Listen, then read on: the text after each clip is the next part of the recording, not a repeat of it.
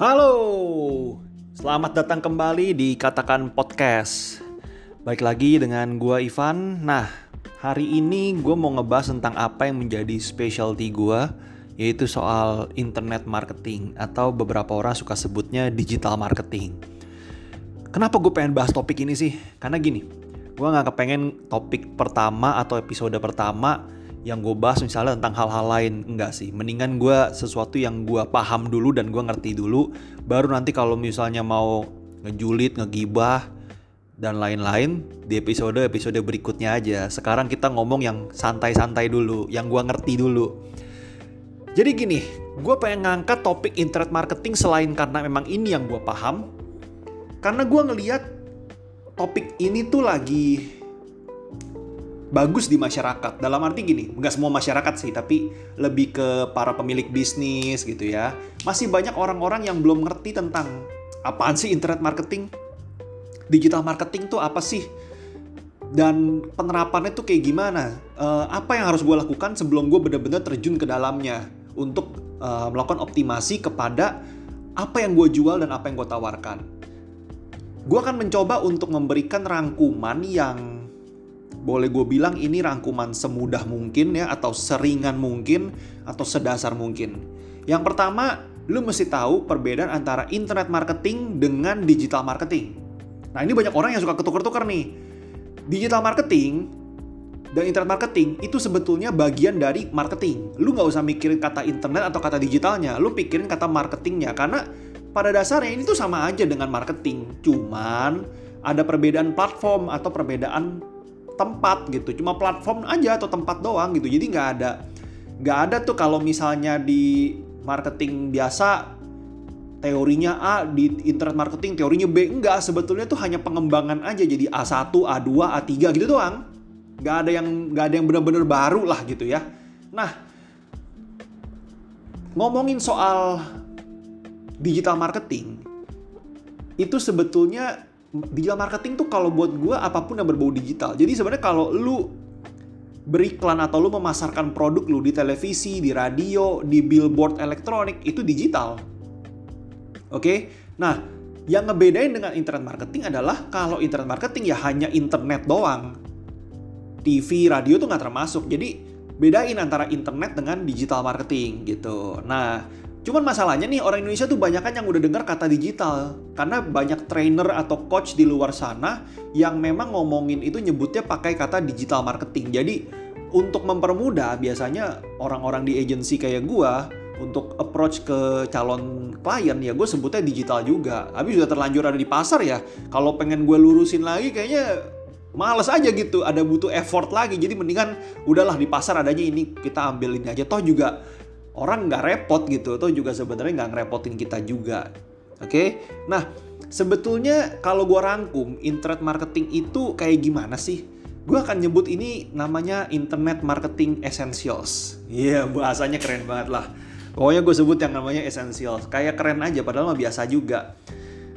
Sebetulnya marketing itu pada dasarnya adalah strategi pemasaran atau komunikasi untuk merencanakan, membuat, mengenalkan, mendistribusikan apa yang kita produksi, apa yang kita jual ke masyarakat. Gitu. Jadi misalnya nih, Anda jualan uh, selang.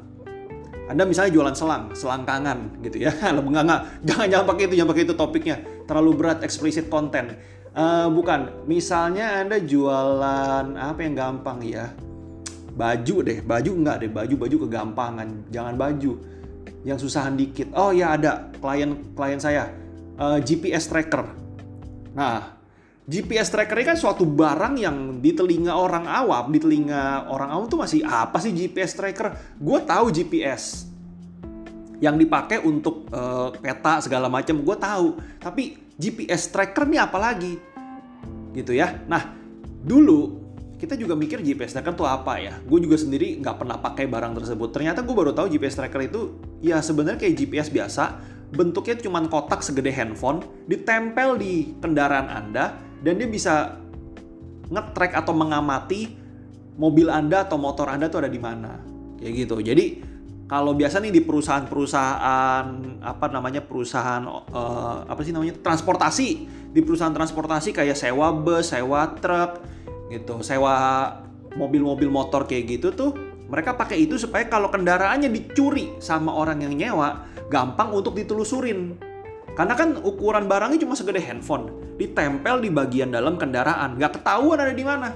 Jadi susah gitu maksudnya kalau gue mau nyuri mobil gue mau ngoprekin mobil itu dulu juga kan repot ya. Masa misalnya nih gue mau nyuri ah ada mobil Avanza nih kosong gue punya cara untuk ngebongkar kunci gitu. Masa gue harus bongkar dulu untuk nemuin ada GPS tracker atau enggak? Kalau ada kan enak ya. Kalau ada ada hasilnya gitu. Oh iya ini ketemu nih. Ah mau mampus lo mobil lo nggak bisa nggak bisa lu telusuri ada di mana. Tapi kan kalau nggak ketemu capek sendiri kita malingnya malingnya capek sendiri. Belum berisiknya gitu ketahuan sama orang lu kelontang kelontang kayak gitu.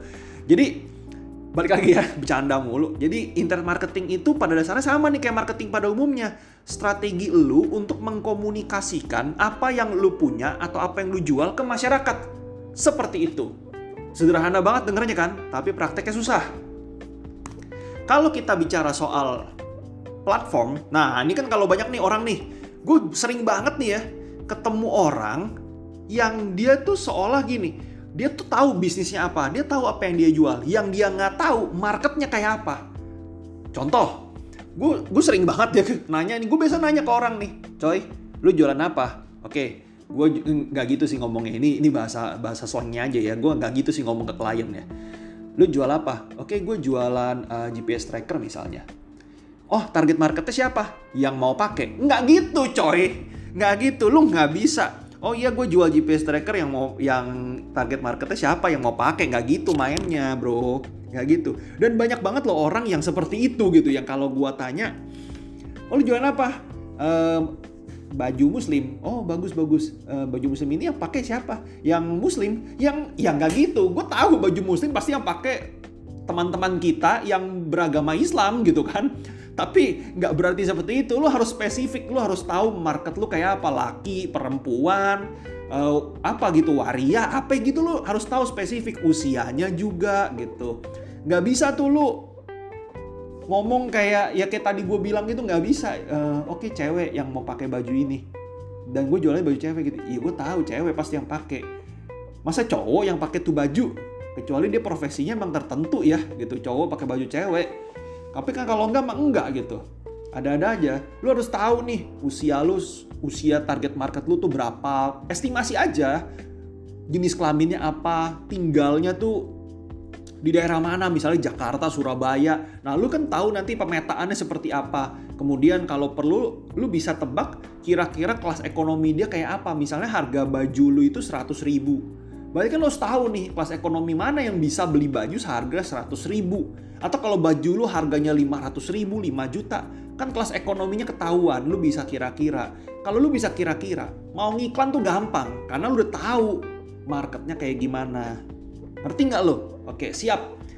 Yang kedua, nah ini nih, namanya gue sebut market fit. Market fit itu sebenarnya proses untuk mencocokkan dan menentukan harapan dari market kita. Oke, jadi market fit itu biasa gue bagi tuh dalam beberapa poin. Ada harapan market, ada pekerjaan si market tersebut atau aktivitas dia, ada lagi namanya ketakutan dia, ketakutan si market itu. Jadi gini, misalnya nih, lu jualan uh, kopi, misalnya kopi ya. Ketika lu jualan kopi, lu mesti denger nih market di luar sana tuh mau kopi yang kayak apa? Gitu. Oh saya mau kopi rasa duren misalnya. Udah kopi rasa duren lagi bagus nih. Nah lu jual kopi rasa duren kalau lu sanggup. Nah biasa tuh gini. Orang-orang tuh kadang-kadang nggak pengen dengerin kata market. Gue pernah ini ini gue pernah nih. Aduh kacau banget.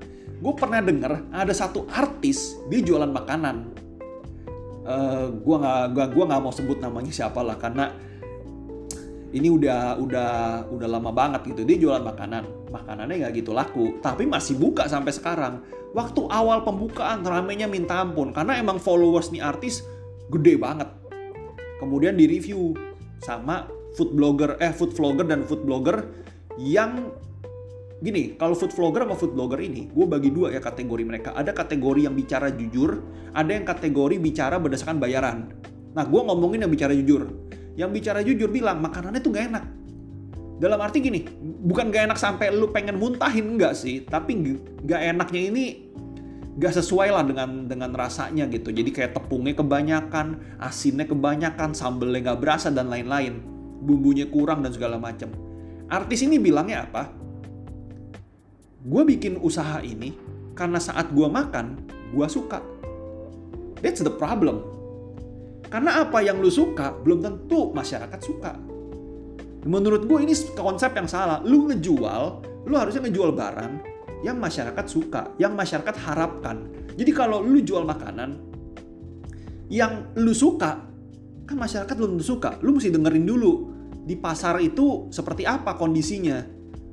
Misalnya nih, gue jualan uh, ayam geprek. Gue dengerin masyarakat oh masyarakat yang udah makan di ayam geprek A, ayam geprek B misalnya, mereka bilang dua ayam geprek itu beda. Yang satu lebih keras dagingnya, yang satu lebih halus kulitnya, eh kulitnya dagingnya. Yang satu bumbunya berasa, yang satu bumbunya nggak berasa. Yang satu gue pernah nemu laler di piring gitu, yang satu lagi kebersihannya nomor satu. Nah itu kan ada dua berarti kan, ada kecemasan dari si masyarakat tentang makanan tersebut, ada juga harapan dari si masyarakat tentang apa yang dia mau. Nah, lu tugas lu adalah mencocokkan kira-kira lu bisa nggak bikin makanan seperti yang ada di harapan masyarakat ditambah dengan twist. Twist itu apa sih? Supaya lu beda. Gitu. Jadi misalnya nih, uh, misalnya ayam geprek bensu ya. Ayam geprek bensu ini misalnya ngasih gimmick. Kalau lu makan dikasih pencuci mulut, buah misalnya gitu ya. Nah, lu kasih gimmick nih. Kalau lu makan ini, ayamnya lu lu kasih ganja misalnya. Gitu. Jadi rasanya nagih gitu kan. Itu gimmick juga. Ya ini sih ini jokes ya ini jokes. Gitu. Buat teman-teman yang mudah tersinggung ini jokes. Lucu nggak lucu bodoh amat. Yang penting santai. Gitu. Jadi ada sesuatu yang ngebedain antara lu dengan orang lain. Tapi tetap dalam koridor yang memang masyarakat tuh suka. Atau dia tuh punya harapan terhadap makanan ini harusnya seperti apa. Misalnya kayak gitu. Kemudian pekerjaan mereka atau activity mereka gitu. Dalam arti gini, lu pernah nggak ngeliat di sekolah atau di kampus deket-deket situ biasanya ada tukang mesin fotokopi. Ada tukang fotokopi, sorry, bukan tukang mesin fotokopi, ada tukang fotokopi. Tahu ya? Nah itu kan artinya apa? Si tukang fotokopi ini, jasa tukang fotokopi ini, tahu target market dia adalah orang yang kuliah di kampus-kampus ini atau atau sekolah gitu karena dia tahu. Nah lu juga harus tahu tuh spot-spot seperti itu. Dalam arti ya orang-orang yang lu incer tuh yang activity-nya tuh kayak apa. Karena dengan lu tahu ini lu tahu mau jualan mau jualan apa dan di mana. Kemudian kalau lu pengen beriklan lu tahu kepada siapa lu beriklan coy. Gitu. Kita nomor tiga ya. Kita sekarang nomor tiga kita ngomongin soal platform. Nah ini nih platform nih paling menarik. Gue sering banget dapat telepon dapat chat email orang yang langsung to the point ya. Pak, saya mau beriklan di Instagram. Saya tanya. Kemudian gue tanya dong. Oh ya pak, websitenya apa, produknya apa, atau jasanya apa. Kemudian dia bilang, saya jual alat pengaduk semen. Gue bilang, kalau lu jual alat pengaduk semen, lu ngapain jualan di Instagram? Konsepnya nggak begitu. Konsepnya tuh nggak yang nggak yang kalau lu mau ngiklan langsung ngasal aja nggak nggak begitu. Lu harus tahu dulu di Instagram ada apa di Facebook ada apa di Google ada apa untuk lu beriklan. Karena kalau lu nggak tahu ya misalnya lu nggak tahu gitu nggak ada gunanya gitu nggak ada nggak ada gunanya lucu aja sih lucu lucu aja. Lu harus tahu dulu market lu tuh kayak apa ada di mana posisinya. Bentar ya minum dulu dengan kesegaran berkualitas. Air Aqua. Oke, tadi iklan tidak disponsori oleh Aqua. Jadi gini, balik lagi ya soal platform. Banyak orang yang langsung nanya sama gue, ehm, ya pak saya mau iklan di Instagram bagaimana caranya, bagaimana budgetnya dan lain-lain. Gue bilang nggak begitu cara mainnya. Pertama, nggak semua produk cocok dijual di media sosial Ingat, nggak semua, nggak semua produk, ya. Harus ada strategi tertentu untuk taruh di sebuah platform. contoh ya, kalau lu pengen fast traffic, lu pengen fast money, lu jual itu di Google. Kenapa? Karena di Google itu orang udah nyari produk lu. Oke, ngerti ya? Orang udah nyari nih.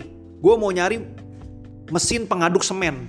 Nah, posisinya saat itu adalah barang lo udah udah udah kemungkinan akan ditemukan sama sama orang yang nyari. Nah, dia dia nih orang yang nyari ini udah punya intensi atau kemauan untuk beli. Tinggal cocok atau nggak cocok doang sama harganya. Ngerti ya? Nah sementara itu kalau di sosial media sifatnya kan tahu nih sosial media itu sifatnya sebenarnya kayak iklan di televisi. Lu lagi nonton TV tiba-tiba muncul iklan. Sama kayak gitu. Yang ngebedain apa? Yang ngebedain adalah iklan di media sosial itu adalah produk atau jasa yang sesuai dengan lu. Misalnya nih, gue suka sepak bola. Bakalan keluar tuh iklan dari Nike, Adidas, dan teman-temannya karena dia tahu gue suka sepak bola, iklan tayang ke gue. Gak bakalan tuh iklan gak tayang ke gue. Maksudnya gini, gue nggak suka misalnya, uh, misalnya gue nggak suka pakai celana dalam. Misalnya gue nggak suka pakai celana dalam tuh, tuh iklan iklan celana dalam gak bakal muncul di gue karena emang gue preferensinya tidak pakai celana dalam gitu. Kalau misalnya suka pasti ada, ya. Nah kemudian ini harus tahu dulu, ingat biasanya nih biasanya ya di Facebook dan di Instagram konsepnya itu adalah sosialisasi kawanku. Jadi lu harus mikir kalau lu mau bikin iklan di situ, lu mikir dulu sosialisasinya kayak gimana. Ini sama aja kayak tiba-tiba nih lu lagi duduk, ya kan, lagi duduk di di pinggir jalan lah gitu ya. Tiba-tiba ada orang random nawarin lu kacang. Lu mau nggak? Nggak mau lah. Sama di sosial media juga gitu. Ini ada orang lagi scrolling di Facebook dan di Instagram, ada orang random nawarin kacang, ya lu nggak mau. Tapi kalau lu cerita tentang kacang itu, kemungkinan dia akan tertarik dan dia akan beli pada ujungnya. Prosesnya panjang, harus ada sosialisasi dulu, edukasi dulu, ngebangun kepercayaan dulu, dengan testimoni, review, dan lain-lain baru sampai ke tahap penawaran yang lu mau. Kalau di Google, lu tunggu bola ibaratnya men. Lu tunggu bola, lu bikin iklan, lu tungguin aja ada yang nyari kan nih. Kalau ada yang nyari, tak ketemu nih website lu. Masuk deh ke website lu. Lihat cocok di telepon lu. Gitu, lu mesti tahu itu dulu. Karena kalau enggak percuma. Jadi lu pelajarin dulu coy, platformnya tuh kayak apa. Market lu ada nggak di situ? Dan satu nih ya, catatan penting gua nih. Ini kesimpulan dari platform ya. Lu harus tahu, Facebook dan Instagram itu sangat cocok untuk bisnis lu yang sifatnya mainstream. Baju, barang IT, itu kan mainstream ya. E, beras, ya pokoknya barang-barang mainstream yang lu lihat dan lu butuhkan setiap hari. Sementara Google sifatnya itu barang mainstream dan non-mainstream. Tapi lu mesti tahu cara mainnya gimana. Kalau cara mainnya gue ceritain di sini bakalan panjang, jadi mungkin gue akan bikin itu di podcast yang uh, berikutnya lagi ya biar nggak kelamaan. Kemudian soal mempelajari platform. Ini bagian dalam dari platform. Lu mesti tahu keunggulan ataupun kelemahan dari Facebook, Instagram, dan juga Google. Kalau kita ngomongin platform kan cuma dua platform ini yang paling powerful di Indonesia. Karena yang memang marketnya paling banyak. Satu kalau kita ngomongin Facebook dan Instagram. Kita bisa bicara soal konten kontennya variatif banget lu mau taruh video lu mau taruh foto semua bisa jalan. Dan dan ya yang paling penting punya potensi untuk viral karena ini media sosial. Orang akan membagikan satu cerita ke orang lain cerita berikutnya. Jangkauannya juga luas oke? Okay? dan biayanya biasa lebih murah. Tapi permasalahannya lu harus melakukan sosialisasi dulu. Karena namanya juga sosial media lah jadi sosialisasi. Bukan jualan, beda nih ya. Sosialisasi itu adalah jualan yang dibungkus dengan komunikasi. Kalau jualan ya jualan aja udah gitu.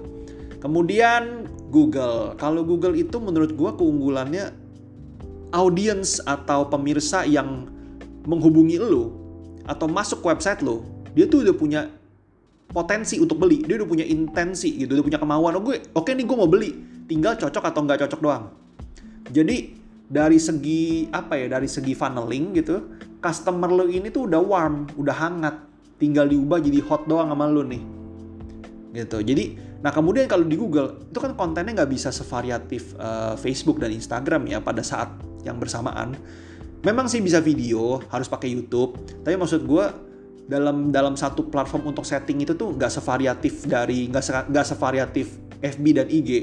Jadi lu harus langsung hard selling.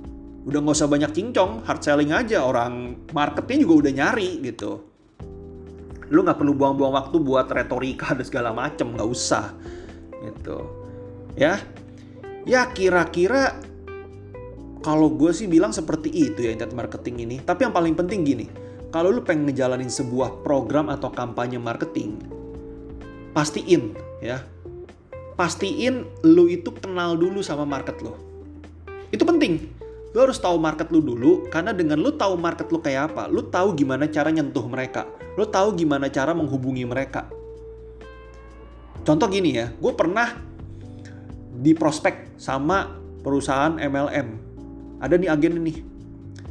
Gue nggak ngerti kenapa semua, hampir semua lah ya, mungkin hampir semua agent MLM yang gue pernah temui, cara approach mereka kepada konsumen, kepada calon klien itu semuanya sama. Kalau ketemunya laki-laki biasa ngomonginnya tuh mobil. Kalau ketemunya perempuan, maksudnya uh, yang yang di prospek sama dia laki itu biasa ngomongnya mobil. Kalau di prospek sama dia perempuan, itu biasa ngomonginnya liburan. Gue nggak ngerti kenapa begitu tuh. Kayaknya kayaknya tuh seolah-olah stigma mereka nih. Laki-laki suka mobil perempuan suka liburan. Kayaknya tuh stigmanya seperti itu. Bosnya kayaknya ngajarin begitu. Halo teman halo pas pasukanku gitu kan. Kalau kalian prospek laki-laki ingat iming-imingi dia dengan mobil dan jam misalnya kayak gitu kalau perempuan iming-imingi dia dengan pergi liburan ke berbagai macam negara gue rasa kayak gitu deh karena karena sama gue ketemu nih ya gue kan bukan orang yang penggemar otomotif. Buat gue, kalau gue punya mobil, yang penting mobil gue tuh bisa maju, mundur, berhenti. Itu doang sih. Gak usah aneh-aneh. Gue gak perlu... Kalaupun gue punya duit ya, gue juga gak pernah kepikiran untuk beli mobil Mercedes-Benz yang harganya misalnya ratusan juta tuh enggak gitu. Eh sorry, semua mobil ratusan juta. Maksud gue tuh yang udah di atas hampir-hampir satu miliar tuh enggak gue gue nggak kepikiran untuk beli itu karena buat gue prinsip gue yang penting mobil itu bisa digunakan dengan sebaik-baiknya bukan untuk dipamerin kalau buat gue ya nah orang-orang ini nih gue pernah nih lagi nongkrong sama anak MLM nih tiga orang dia lagi prospekin ke gue kemudian dia ngelihat kayaknya gue nggak tertarik nah dua orang ini ngobrol nih ngobrol berdua tapi kan suaranya kedengeran dong sama gue dong sengaja lah pasti dia ngomong, hei si Koko Jerry misalnya ya, si Koko Jerry misalnya, dia bilang, mobilnya tuh Mercedes L6 atau apa gitu. Gue taunya L300 kalau mobil yang depannya L. Misalnya L6 atau apalah gitu. Keren banget ya. Warnanya hitam, metalik, bla bla bla segala macem. Kalau gue pengen nih gue berapa lama lagi gue jalanin bisnis ini bisa dapetin mobil kayak gitu tuh dan lain-lain. Terus temennya sosok ngejawab, lu kan udah jalan setahun. Gue yakin dua tahun lagi dari sekarang lu bisa sampai ke tahap itu. Wih segala macam mantep banget dah. Gue bilang dia kagak tahu. Kalau aja dia tahu yang gue suka itu sepak bola gue rasa dia akan lebih ngomong mungkin seperti ini. Tahun depan jalan-jalannya kita ke Old Trafford nih. Stadion Old Trafford di Manchester. Iya gila. Cabut gue. Join langsung ke MLM gue bilang. Sayangnya dia nggak tahu itu. Dia nggak tahu marketnya suka apa, dia nggak tahu harus ngomong apa ke marketnya. Yang dia tahu, laki-laki suka mobil, perempuan suka liburan, kampret, gue bilang. Tapi bagus sih, andai kata dia tahu apa yang gue suka, jangan-jangan gue bisa-bisa kejaring tuh. Udah nggak main digital marketing lagi gue, MLM. Karena gue mungkin siang-siang begini hari Sabtu lagi khotbah gue di apa namanya di ruangan ruangan kantor para agen-agen gue lagi khotbah gitu. Saudara-saudara ya kan lagi khotbah tuh gue kalau kalian prospek laki-laki ingat mobil. Mobilnya harus Mercedes. Kalau perempuan ingat kalian harus ngomongin soal indahnya kota Paris misalkan. Meskipun kalian belum pernah ke sana. Damn hari ini tanggal 29 Agustus. Tadi pagi gue baru dengar Chadwick Boseman uh, meninggal dunia karena kanker. Kanker apa ya? Gue lupa usus ya atau apa? Gue lupa. Chadwick Boseman kalau lu nggak tahu dia adalah pemeran Black Panther di film Black Panther uh, dari Marvel Comics. So, gue akhiri podcast episode pertama ini dengan salam Wakanda Forever!